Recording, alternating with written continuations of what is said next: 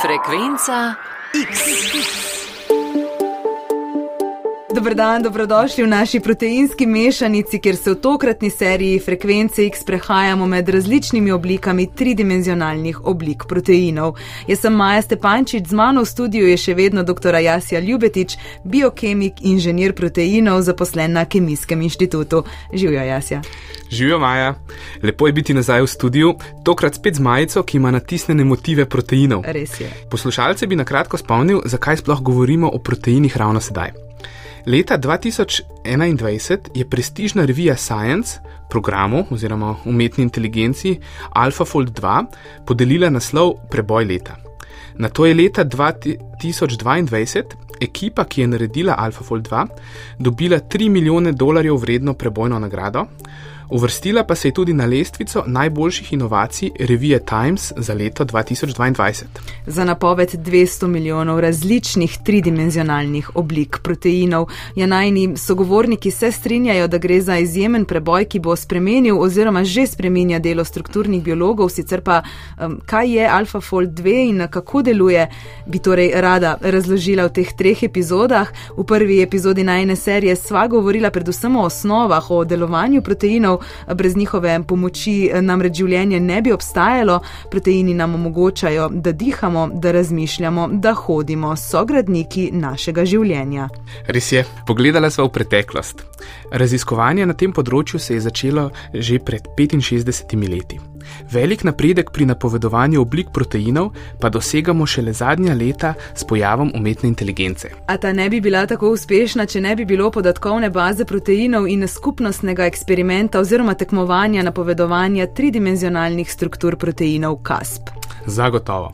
Če na hitro ponoviva, proteini so sestavljeni iz zaporedja aminokislin. V proteinih se pojavlja 20 tipov aminokislin, ki jih lahko označimo s črkami, kot recimo M, S, K, E, K. Zaporedje oziroma sekvenco proteina je relativno enostavno določiti. Da pa vemo, kako protein deluje in da lahko iščemo zdravila, pa potrebujemo tridimenzionalno obliko, se pravi tridimenzionalne koordinate vsakega atoma v proteinu. Glavno merilo je eksperiment in zato danes preveriva, kako sploh izmeriti in določiti 3D strukturo proteina. In to lahko naredimo med drugim s krioelektronsko mikroskopijo. Ja, slišali bomo Nobelovca Joakima Franka, ki je leta 2017 prejel tretjino Nobelove nagrade pri razvoju krioelektronske mikroskopije. Z dr. Maticem Kisovcem pa sem se sprehodila po laboratoriju s krioelektronskim mikroskopom. Gremo? Gremo. Proteini gradniki življenja. Še prej pa, če že govoriva o oblikah, pred dnevi sva kiparja profesorja Metoda Frlica prosila, če nam lahko na Akademiji za oblikovanje in umetnost natisnejo model proteina. Um, potrdili so, ampak trajalo je kar nekaj časa, natančneje tiskali so ga kar devet dni, ampak imamo ga, svoj tridimenzionalni model proteina natisnjenega s pomočjo 3D tiskalnika.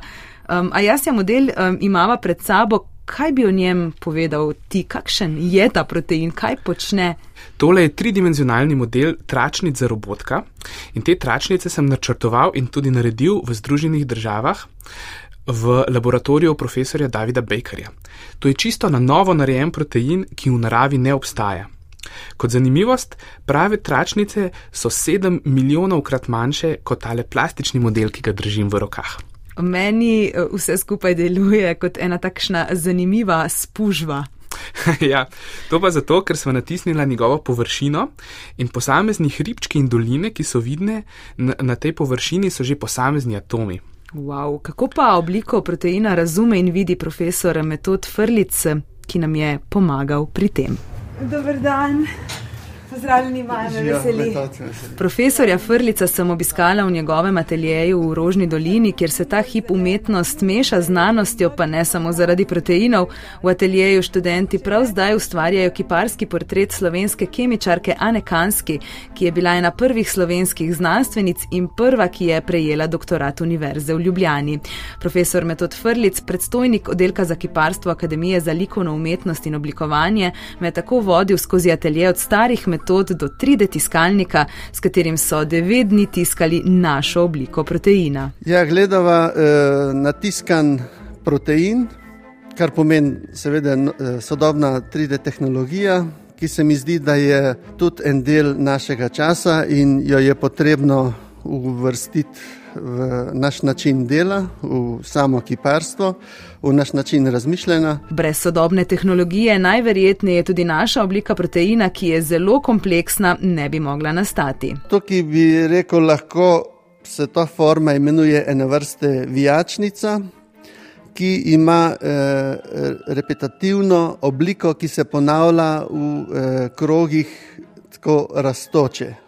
Eh, vsa stvar je pa eh, zelo taka, eh, površinsko, zelo strukturirana, da deluje skoraj malo kot kakšen koralni greben.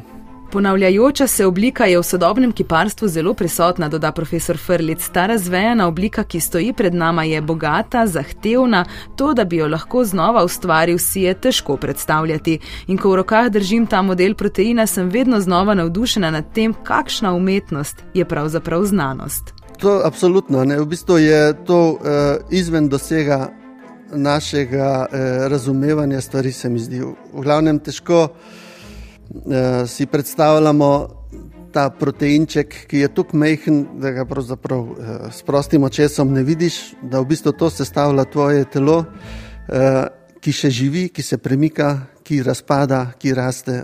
In se mi zdi, da je uh, znanost je čudo in uh, ker nam odpira v pogled v to res čudo od življenja in telesa. To čudo, ta model si trenutno podajava v studiu, a jaz ja ti ga boš odnesel seboj na Kemijski inštitut. Že veš, kam ga boš eh, postavil?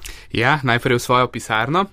Ko bom pa objavil znanstveni članek o tem proteinu, pa mogoče še v kakšno vitrino v pohodu v laboratorij. Zakaj si se odločil, da bomo natisnili ravno takšno obliko, dostopnih je več kot 200 milijonov, oziroma zdaj že tudi trikratnik te številke? Res je, vendar je pa to izme, edini izmed proteinov, ki sem ga naredil sam. Zasnoval sem ga na računalniku, prepričal bakterije, da so naredile ta protein in potem smo skupaj s sodelavci določili njegovo tridimenzionalno obliko. Ta model je res krasno videti natisnen, strukturo pa smo določili prav s krioelektronsko mikroskopijo. Kar je že odlična napoved za reportažo o krioelektronskem mikroskopu. Elektronska mikroskopija ni nekaj novega. Odkrita je bila že leta 1933, za kar je Ernst Ruska leta 1986 prejel Nobelovo nagrado na področju fizike. In prav v 80-ih letih se je začel tudi razvoj na področju krioelektronske mikroskopije, ki je še izboljšal ločljivost metode. Zaradi razvoja občutljivejših kamer in predvsem razvoja računalnikov je krioelektronska mikroskopija v zadnjih letih dosegla izjemen napredek. In danes velja za eno ključnih metod za opazovanje posameznih makromolekul. Beseda krio se v imenu pojavi zato, ker molekule opazujemo zamrznjene v tanki plasti ledu. Da bi bolje razumela, kako sploh znanstveniki preučujejo podrobnosti celic, virusov in proteinov, sem se odpravila na Kemijski inštitut, kjer že tri leta domuje edini krioelektronski mikroskop v Sloveniji. Sprejel me je dr. Matic Kisovec z odseka za molekularno biologijo in nanobiotehnologijo na Kemijskem inštitutu. Zdaj smo približno 7 metrov pod. 7 metrov pod. Aha, hvala. Pod. V resnici je pa voda pet metrov nad nama, ker je tukaj podtalnica tako visoka, tako da je bil tudi nek poseben način gradnje. In ta celotna klet je v bistvu prilagojena um, mikroskopom. S to mislijo so bili te prostori že narejeni, tako da v bistvu pogoje za delo z elektronskimi mikroskopi imamo tukaj odlične. Odlični zato, ker je spodaj malo vibracij, manj elektromagnetnih moten kot na površju. Kam smo zdaj vstopili? Zdaj sem pa prišla do krioelektronskega mikroskopa. Kakšna je razlika? Zdaj, če si predstavljam enega našega poslušalca, si verjetno predstavlja tisti mali mikroskop, kamor daš svoje oči, pa gledaš uh, te miniaturne zadeve. Uh, tukaj je pa čisto drugačen prizor. Ja, tle pa stojiva zraven ene škatle, ki je više od naju, v resnici so tri škatle. Um, torej, veliko večji mikroskop, ampak gledamo pa lahko še veliko manjše stvari. Tole, kot ste slišali, ni navaden mikroskop, z njim rutinsko. Gledamo proteinske komplekse, ki so veliki okrog 10 nanometrov. To pomeni, da bi lahko dal 5800 takih proteinskih kompleksov, enega zraven drugega, v ravno črto, in bi dobili razdaljo, ki je enaka premeru človeškega lasu. Mikroskop dela 24 ur na dan, 7 dni na teden, 365 dni na leto. Kako se sploh lotite dela, ko pridete v tale prostor? Na vratih piše pozor, sevanje. Na srečo imamo to samo zaradi birokratskih oziroma predpisov. Um, tukaj v resnici sevanja ni, zato ker ta elektronski snop, ki ga uporabljamo za opazovanje proteinov, naprimer, ali pa tudi um, maščobnih kislin in tako naprej, um, je v resnici zaprt znotraj mikroskopa. Če bi se mikroskop res pokvaril, um, bi potem uh, mogoče lahko prišlo do kakšnega sevanja, ali pa če bi recimo pri uh, servisu kaj pozabili urediti, kaj treba. Potem bi lahko prišlo do sevanja, ampak tle je v bistvu zelo majhna verjetnost. Kaj se je pa zdaj le zgodilo? Oglasil se je, kot da nekaj protestira. To sva pa ujela odličen trenutek, to se zgodi vsakih 9 ur. V bistvu mikroskop je ohlajen na temperaturo tekočega dušika od tukaj pride ta pridevnik krijo. Um, in minus 180 stopinj Celzija, in ravno kar se je začel polniti tekoči dušik, torej imamo eno večjo posodo, in potem se avtomatsko vsakih 9 ur uh, mikroskop uh, v bistvu začne ohlajati dodatno, torej kazmanjka tekočega dušika. Celoten mikroskop upravljajo z računalnikom, na njihovem odseku se ne ukvarjajo le s proteini, temveč tudi z lipidi, ki sestavljajo membrane celic, ampak pretežno pa je res fokus na proteinih. Katerih? Zelo različne. Konkretno naš odsek se ukvarja z različnimi proteini, ki sodelujejo pri kakšnih boleznih. Um, naprimer, obstajajo proteini, ki tvorijo pore v membranah. Um, in zdaj te pore se dogajajo tako ob napadu, recimo na celice, kot tudi pri obrambi. Potem se ukvarjamo tudi z rastlinskimi virusi. Uh, virusi, nekateri imajo na površini proteine. Potem se ukvarjamo z proteini, ki recimo sodelujejo pri popravljanju poškodb znotraj naših celic. Zgradba določa, kakšna je funkcija proteinov, zakaj so tam, kjer so in kaj počnejo. Nekateri proteini so namreč pogrešljivi, drugi nepogrešljivi. Če si predstavljamo, vsaka celica mora dihati. Proteini, ki so vključeni v celično dihanje, so običajno nepogrešljivi, brez tega celica takoj umre. Medtem ko če gre za nek protein, ki sodeluje um, pri povezovanju med celicami, pa to včasih ni tak problem, ker teh proteinov, ki povezujejo celice med sabo, je pa veliko različnih. Seveda so eni pomembnejši, kakšni drugi so pa mogoče tudi malo manj pomembni. Projektov, ki se izvajajo na takih mikroskopih, je veliko, pravi dr. Matic Kisovec, od zelo bazičnih, kjer jih zanima, kako kakšna stvar deluje, do bolj aplikativnih, da nimo medicinski pristopi. A jaz ja, kako ga ti uporabljaš? Za zdaj točno tega še nisem, ker sem se ravno pred kratkim vrnil iz Združenih držav Amerike. Uporabil pa ga bom za določevanje strukture na novo načrtovanih proteinov, torej naprimer robotkov in tračnic. Napovedi strukture so zelo koristne pri načrtovanju, ampak da pripričam sebe in druge znanstvenike, da sem res naredil nov protein, pa napoved ni dovolj. Določiti moram strukturo proteina z eksperimentom. Torej, osnovna enota, ki jo mi damo v mikroskop, je tako imenovana elektronska mrežica oziroma mrežica za elektronsko mikroskopijo. To je tak majhen košček um, kovine, uh, ki je oblikovan v obliki mrežice. Um, velik je 3 mm. In zdaj pa mi bolj, ko povečujemo. Uh, bolj, ko višamo povečavo, manjše stvari vidimo. Na začetku vidimo celotno to mrežico, kot bi jo pogledali pod navadnim optičnim mikroskopom, potem, ko se pa približujemo, pa vidimo vedno manjše in manjše um, strukture. Mhm. Zdaj vidva recimo tukaj gor. Konkretno niso proteini, ampak vidva pa lipidne membrane. Torej, kot da bi gledala neke vrste celic. Celice so obkrožene z lipidno membrano in te krokci so v bistvu um, tako imenovani lipidni vezikli. In na našem odseku se kar veliko tudi s takimi uh, strukturami ukvarjamo. Vmes so pa ene črne pike, zelo črne pike, um, to pa v resnici pa delci uh, zlata, nanodelci zlata, ker včasih rabimo orientacijske točke. Zlato zgleda črno pod mikroskopom, medtem ko večina ostalih stvari zgleda pa zelo svetlo sivih. Mikroskop so dobili pred tremi leti. Leta 2019 smo bili zelo veseli, ko smo dobili ta mikroskop in takrat nas je v bistvu tudi Nobelov nagrajenc. Uh, ja, Joachim Frank, on je bil en izmed treh gospodov, ki so dobili v resnici samo dve leti prej Nobelovo nagrado in sicer ravno iz področja krioelektronske mikroskopije. In jaz je vesela sva, da nam ga je uspelo poklicati. Ja, super, da si ga poklicala, to je res prestižen gost. Ne vem, ali si vedel, ampak eh, Joachim Frank je že odnegdaj navdušen fotograf in kot tak zelo rad ustvarja posnetke. Tretjino Nobelove nagrade je leta 2017 prejel prav na področju razvoja metode za analizo in združevanje nejasnih dvodimenzionalnih posnetkov elektronskega mikroskopa v zelo ostre tridimenzionalne posnetke. Tudi zaradi njegovega prispevka lahko danes razvijamo zdravila. Well, To je bila celotna ideja, da bi uporabili računalniško obdelavo posnetkov in potem zlagali skupaj več posnetkov molekul. Zakaj potrebujemo veliko posnetkov? Elektroni zelo poškodujejo molekule in zato lahko uporabimo le malo elektronov na molekulo.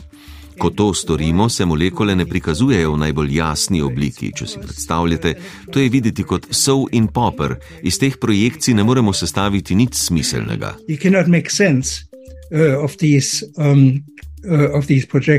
Zato potrebujemo veliko slabših posnetkov, ki jih potem združimo, da dobimo en jasen posnetek. Ljudje nowadays uh, collect uh, tens of thousands or hundreds of thousands Danes imamo na voljo več deset tisoč posnetkov. V preteklosti pa računalniki niso bili zelo zmogljivi, vse se je začelo z nekaj posnetki. Leta 1981 sem dokazal, da lahko dobim bolj jasen posnetek tridimenzionalne projekcije z uporabo 81 posnetkov. Dokazal sem, da jih povežemo zelo natančno in da lahko ustvarimo bolj jasen posnetek. To odkritje mi je prineslo objavo v znanstveni reviji Science. In to mi je publikacijo v Science. These were 81 pictures. 81 posnetkov, to se je dogajalo med letoma 1975 in 1986. Kakšen je napredek na področju do danes, kako ga ocenjuje Joachim Frank? Well, Zgodil se je na treh različnih področjih. Prvič, računalniki so postali zmogljivejši in hitrejši, zato lahko postorimo veliko več reči, kot sem jih jaz v tistih letih. Potem se je zgodil napredek pri pripravi vzorcev. Ko sem jaz začenjal, ni bilo krioelektronskih mikroskopov. Molekule smo pripravljali s tako imenovanim negativnim premazom, kar pomeni, da so bile molekule ustavljene v soli težkih kovin in sušene na zraku. Soli težkih kovin omogočajo kontrast in molekule so bile vidne le tam, kjer ni bilo soli. Velik mejnik pa je bil razvoj kriometod. Um, um, Proteine sem tudi jaz že barval s solmi težkih kovin. Pogosto so to uranove soli, ki so radioaktivne, tako da je treba biti pri delu malo previden. Ampak brez barvanja se proteine težko vidi, razen če molekule zmrznemo v tanki plasti ledu, tako kot pri krioelektronski mikroskopiji. Ja, in druga tretjina Nobelove nagrade pri tem razvoju je šla Žaku Dibišeju, ki je razvil ravno kriometode.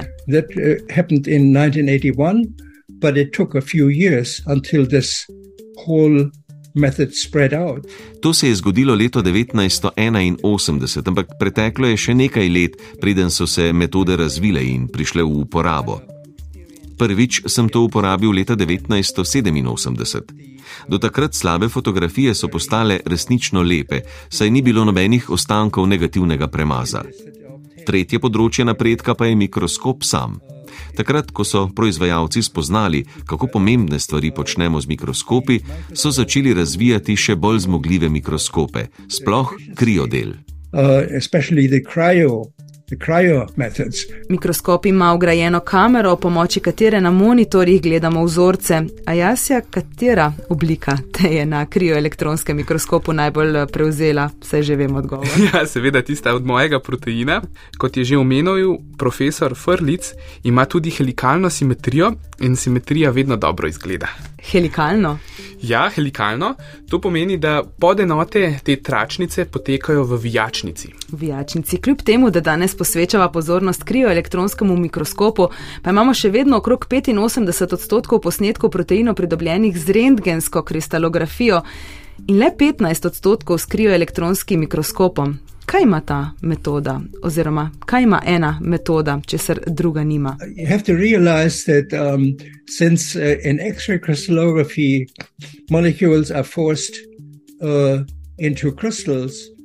Vedeti morate, da so pri rengenski kristalografiji molekule prisiljene v kristale. Dejansko se razvrščajo v zelo nizkoenergijski medij, kar pomeni, da pridobijo drugačno strukturo od tiste, ki jo imajo v živi celici. Struktura molekule, ki jo dobiš ob pomoči rengenske kristalografije, ne daje dobrega prikaza molekule, kakšna je ta v celici.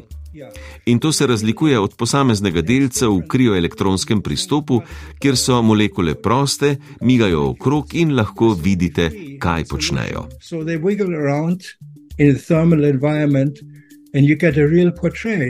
Of, of, uh, to je ena prednost. The other advantage is that typically in X-ray crystallography you get a single structure. Druga prednost je, da tipično pri rengenski kristalografiji dobiš posamezno strukturo, pri krioelektronskem mikroskopu pa lahko dobiš vse strukture, ki so v vzorcu.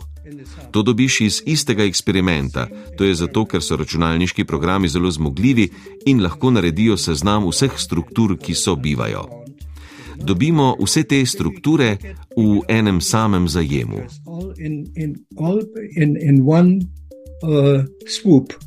Ok, a jaz se lahko še dodatno razdelaš, ti uporabljaš oboje, rentgensko kristalografijo in krioelektronsko mikroskopijo. Kaj bi povedal kot uporabnik? Glavna razlika je, da pri rentgenski kristalografiji potrebujemo kristale proteina. To pomeni, da proteine zelo, zelo nagosto eh, natlačimo skupaj, da se med seboj dotikajo. V telesu se ponovadi na tak način ne dotikajo. In kristale je tudi težko dobiti, ampak uh, rentgenska kristalografija omogoča rahlo večjo natančnost. V praksi pa so razlike med tridimenzionalnimi strukturami, ki so določene s krioelektronsko mikroskopijo, in tistimi, ki so določene z rentgensko kristalografijo majhne. Ampak zaradi um, razvoja v zadnjih letih na področju krioelektronske mikroskopije meniš, da bo ta kdaj spodrinila? Rentgensko kristalografijo. Menim, da bomo še zelo dolgo uporabljali obe metodi, saj sta na nek način komplementarni. Krioelektronska mikroskopija namreč težko vidi manjše proteine, poleg tega pa je takih mikroskopov še vedno relativno malo, recimo v Sloveniji je samo eden.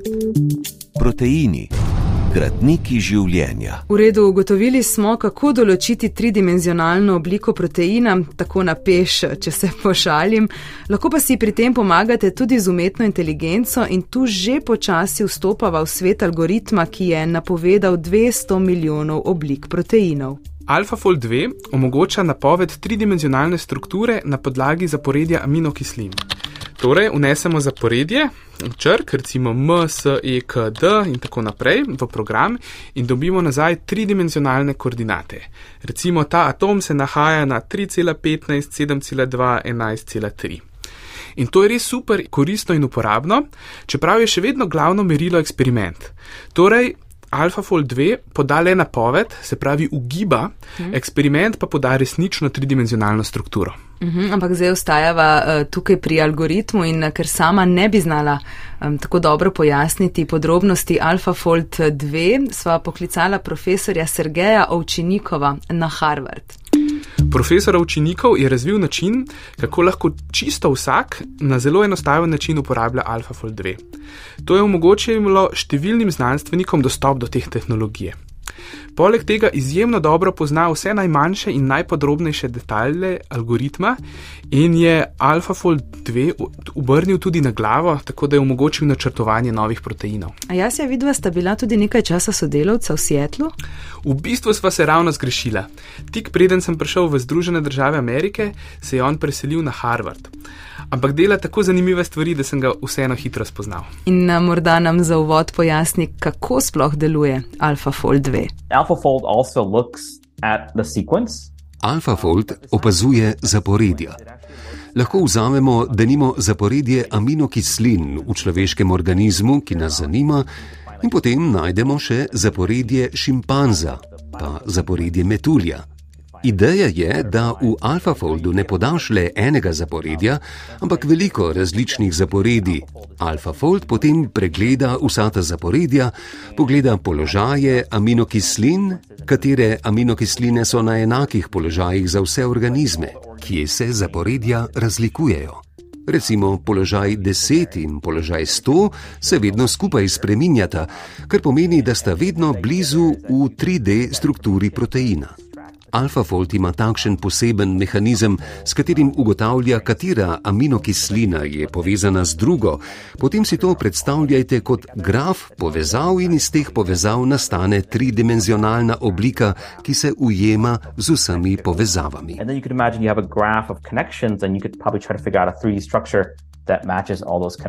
Tako je. AlphaFold 2 v bistvu malo v navednicah goljufa. Strukture ne more napovedati na podlagi enega samega zaporedja, ampak potrebuje veliko število podobnih zaporedij. To veliko število je nekje med 100 in 500 vsaj.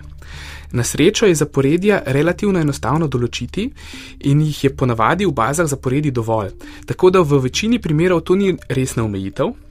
In zelo zanimivo je tudi, da za proteine, ki smo jih načrtovali mi, ljudje, AlphaFold 2 presenetljivo dobro deluje tudi na podlagi enega samega zaporedja. I mean, what ended up being finally AlphaFold, um, I would say, integrates a lot of ideas that were already in the field. AlphaFold združuje vse ideje, ki so že krožile med nami, še preden je DeepMind začel delati na področju proteinov. V zadnjem desetletju smo opazili velik napredek na področju napovedovanja 3D oblik proteinov imamo veliko informacij. DeepMind je pobral vse dostopne informacije in jih združil v enem algoritmu. Izposodil si je ideje, ki so pomembne, in odprl novo omrežje, kjer so vse te ideje združene. They, uh, that people have shown really important and build a network that can capture all those ideas. Zanimivo, kako deluje tale algoritem, ki je zatresel področje napovedovanja tridimenzionalnih oblik proteinov. Profesor Sergej Učenikov bo z nami tudi v tretjem delu, v katerem se bova pa res povsem posvetila umetni inteligenci.